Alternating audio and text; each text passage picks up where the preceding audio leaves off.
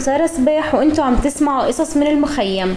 اليوم ميرنا عم بتقولنا قصتها يلي بتحكي عن كيف عاشت مع الإعاقة الجسدية اللي خلقت فيها وكيف تغلبت على الصعوبات والتنمر يلي اجى مع هاي الإعاقة.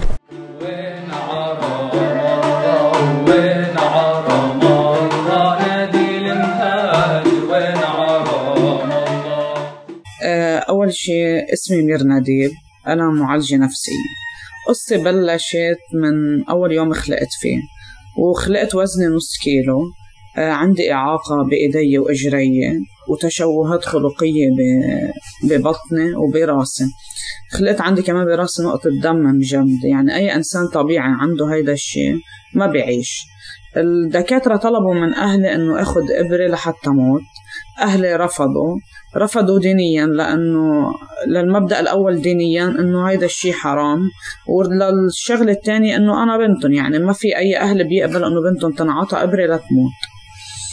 الأطباء كلهم قالوا لأهلي إنه أنا ما حعيش وإذا عشت بعيش لا بسمع ولا بشوف ولا بحكي ولا أي شيء فهون بيي بلشت رحلة علاج طويلة معي من مستشفى لمستشفى من مكان لمكان. للأسف لما طلعت من بعد شهرين من المشفى أمي لتتأكد إنه أنا طفل بشوف وبيسمع وبيحكي حطتني بغرفة وقفلت علي الباب. صارت تصرخ لحتى تشوف إذا أنا بسمع أوكي؟ فأنا هون صرت أبكي. عرفت إنه أنا بسمع. صارت تقرب إيدي على عيوني فصرت رمش. تأكدت إنه أنا بشوف. وقتها حملتني بالبيت مثل المجانين. ميرنا بتشوف ميرنا بتسمع ميرنا بتحكي. علي قوم ناخذها على المستشفى.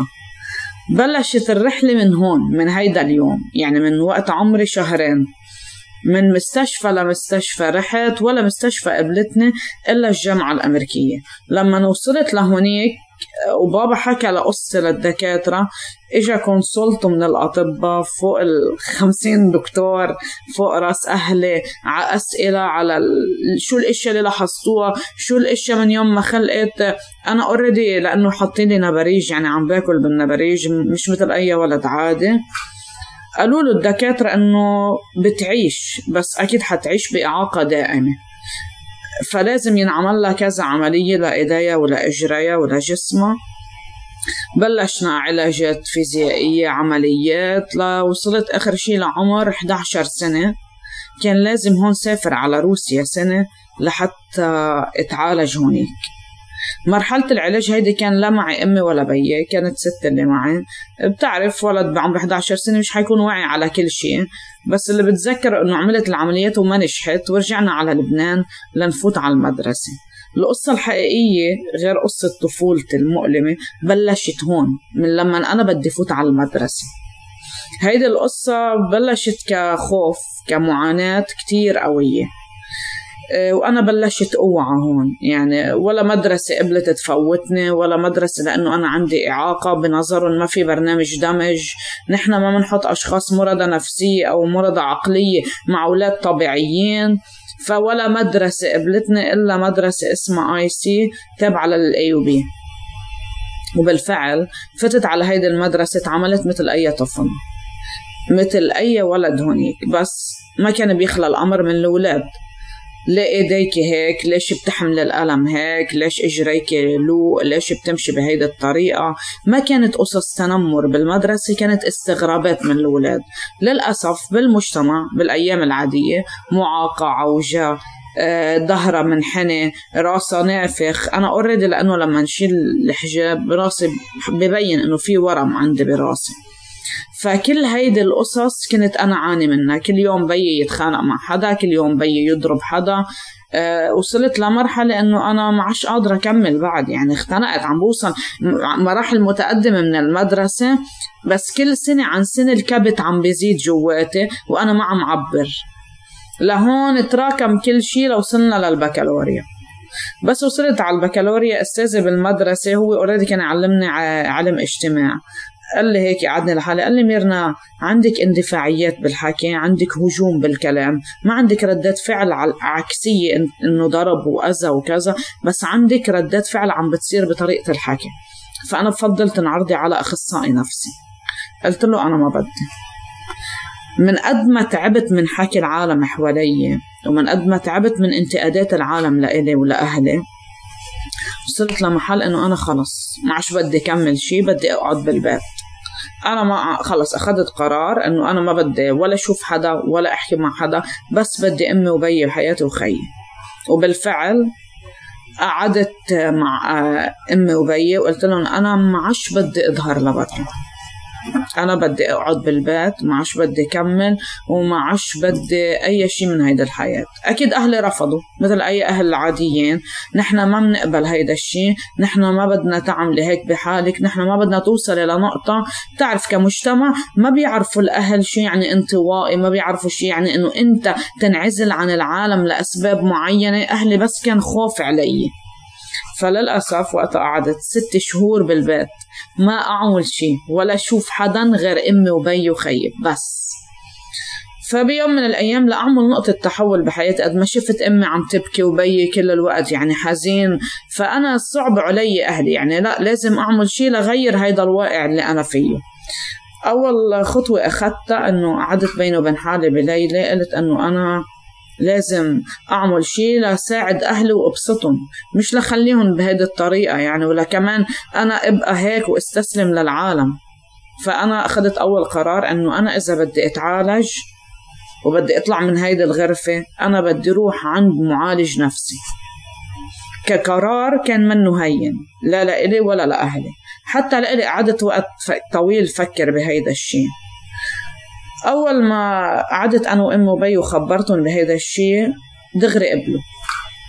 دغري قبلوا لأنه أصلا شافوني قد إيه أنا تعبانة وشافوني قد إيه أنا نفسيا محطم. بلشنا بالعلاج النفسي. صار الأخصائي النفسي فرجاني مين هي ميرنا على الحقيقة يلي أنا أصلا ما كنت شايفيتها. فرجاني شو هي المخاوف تبعيتي؟ يلي أنا ما كنت عاملة حسابها يعني أنا كنت أقول للعالم إنه إيه أنا بستحي من حالي. أنا بستحي من الشيء اللي أنا فيه.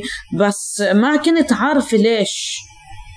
فصار يضوي لي مثل كان عم يضوي السبوت على أمور معينة مهمة بحياتك أنت ما كنت شايفها. وبمرحلة من المراحل يعني أنا مرقت بفراغ بعيد عن أهلي هي هيدي السنة اللي أنا سافرت فيها. صار في أفكار جواتي إنه ليه أهلي ما راحوا معي. هيدي قصص أنا ما كنت عملت لها حساب. وبلشنا رحلة العلاج النفسي. آه، أول شغلة طلبها مني إنه كمل جامعة. يلي هو أنا كنت أول تلميذة بمدرستي بكل فروع مدرستي بنقبل بالألقيوم كان شرف للمدرسة وأنا هيدا الشيء ما كنت عارفة فيه غير لما رجعت. ف قديش هن كانوا فخورين فيي وقديش أنا كنت مستحية من حالي. بالفعل بلشت بالجامعة آه، ومرة من المرات كسرت إجري.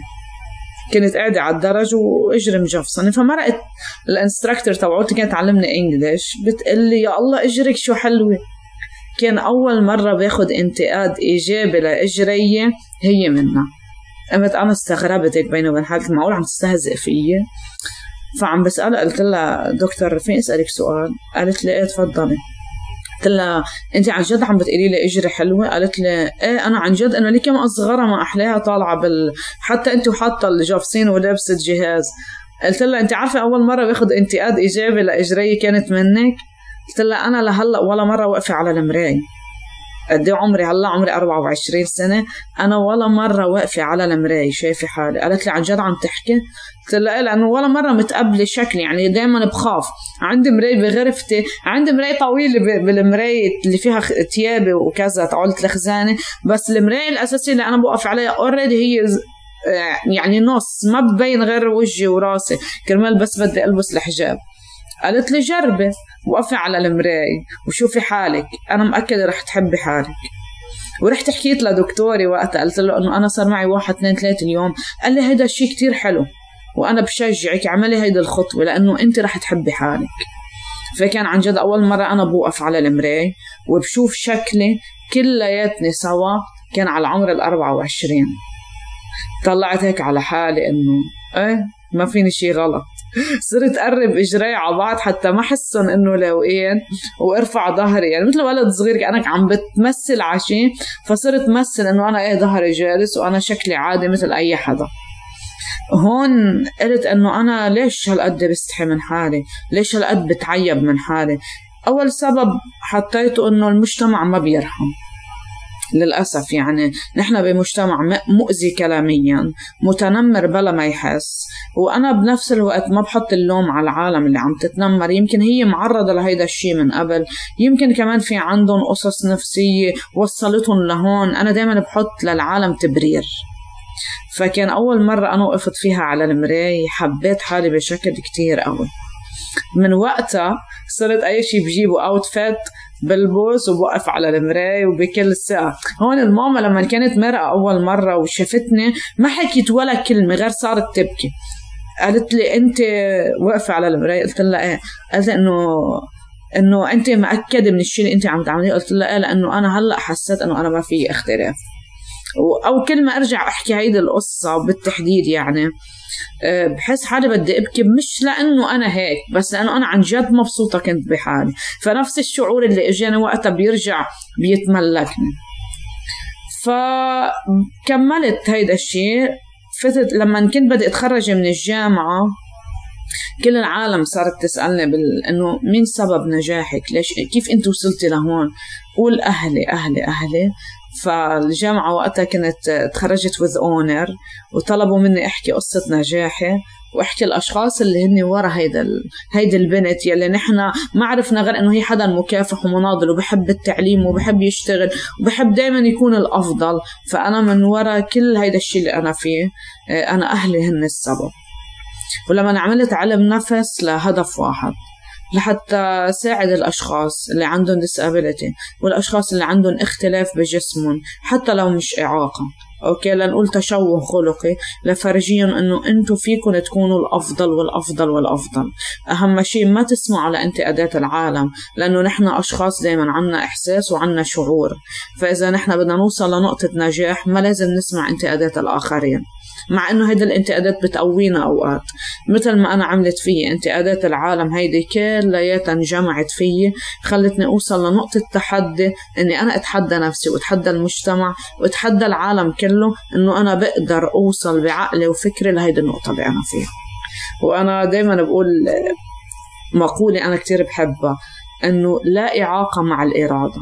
طالما عندك إرادة قوية وطالما عندك أنت تفاؤل بحالك وحب لنفسك رح تنجح وكون أكيد من هيدا الشيء. أه قبل ما بدي فوت على الجامعة كان لازم تجيب تقرير طبي. يعني مثل أي تلميذ عادي بيطلبوهم الأوراق بالجامعة تقرير طبي إنه أنت ما إشبك شيء أو إذا عندك إعاقة يعني لازم تبرز هيدا الشيء أو أي مرض لأنه الجامعة بتعطي بيرسنت معين للأشخاص اللي عندهم disability. فرحت لعند الحكيم أخذنا موعد. أه كنت أنا وأمي. ف دقينا على الباب فتت قال لي عم بقول الدكتور بيقول لها إنه لأني عم تقول خير شو في؟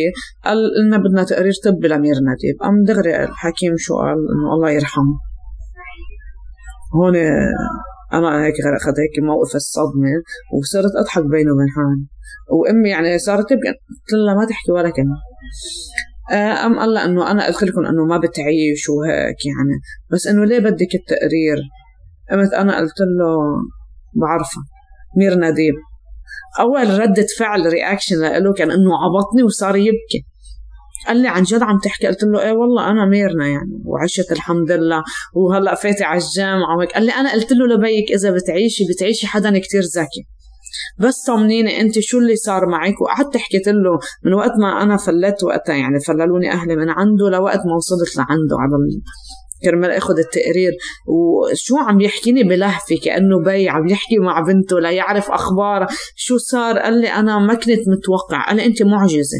وحملني ونزلني على مستشفى الجامعة الأمريكية.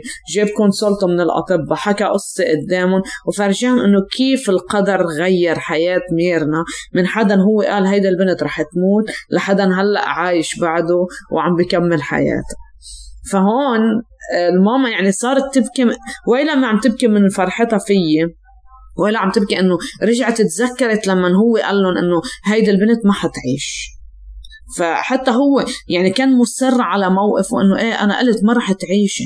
لهيك دغري أول شيء قال الله يرحمها. فانا هون كلمة الله يرحمها رجعتني إنه معقول يعني معقول هو بعده متمسك بهيدي النقطة. وأنا جاي هلأ لهون لما شافني عم لك عبطني كيف بي له فترة ما شايف بنته وصار يبكي. فقال لي قال لي أنا كثير مبسوط إنك أنت رجعتي. أنا أصلا لو أنت ما اجيتي هلأ وخبرتيني أنا كل فكره إنه أنت توفيتي. إيه، فهون كان عن جد حتى أنا لإلي كميرنا كانت نقطة إنه الحمد لله الحمد لله أنا وين كنت وين صرت هلأ يعني على حكيه هو والأشياء اللي بسمعها من العالم ومن الدكاترة اللي حوالي إنه أنا كنت حدا يعني ميت بس عايش بروح عرفت علي؟ يعني شعور كتير صعب. حتى أنا أوقات صرت معالجة بس بتعرف لما ترجع تتذكر هيدي الأشياء بتصير تجيك مشاعر أنت كنت متخلي عنها من زمان.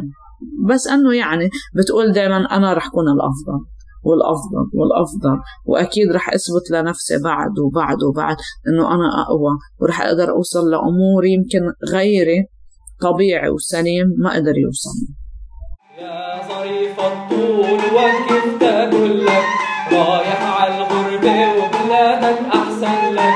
خايف يا ظريف تروح وتتملك وتعاشر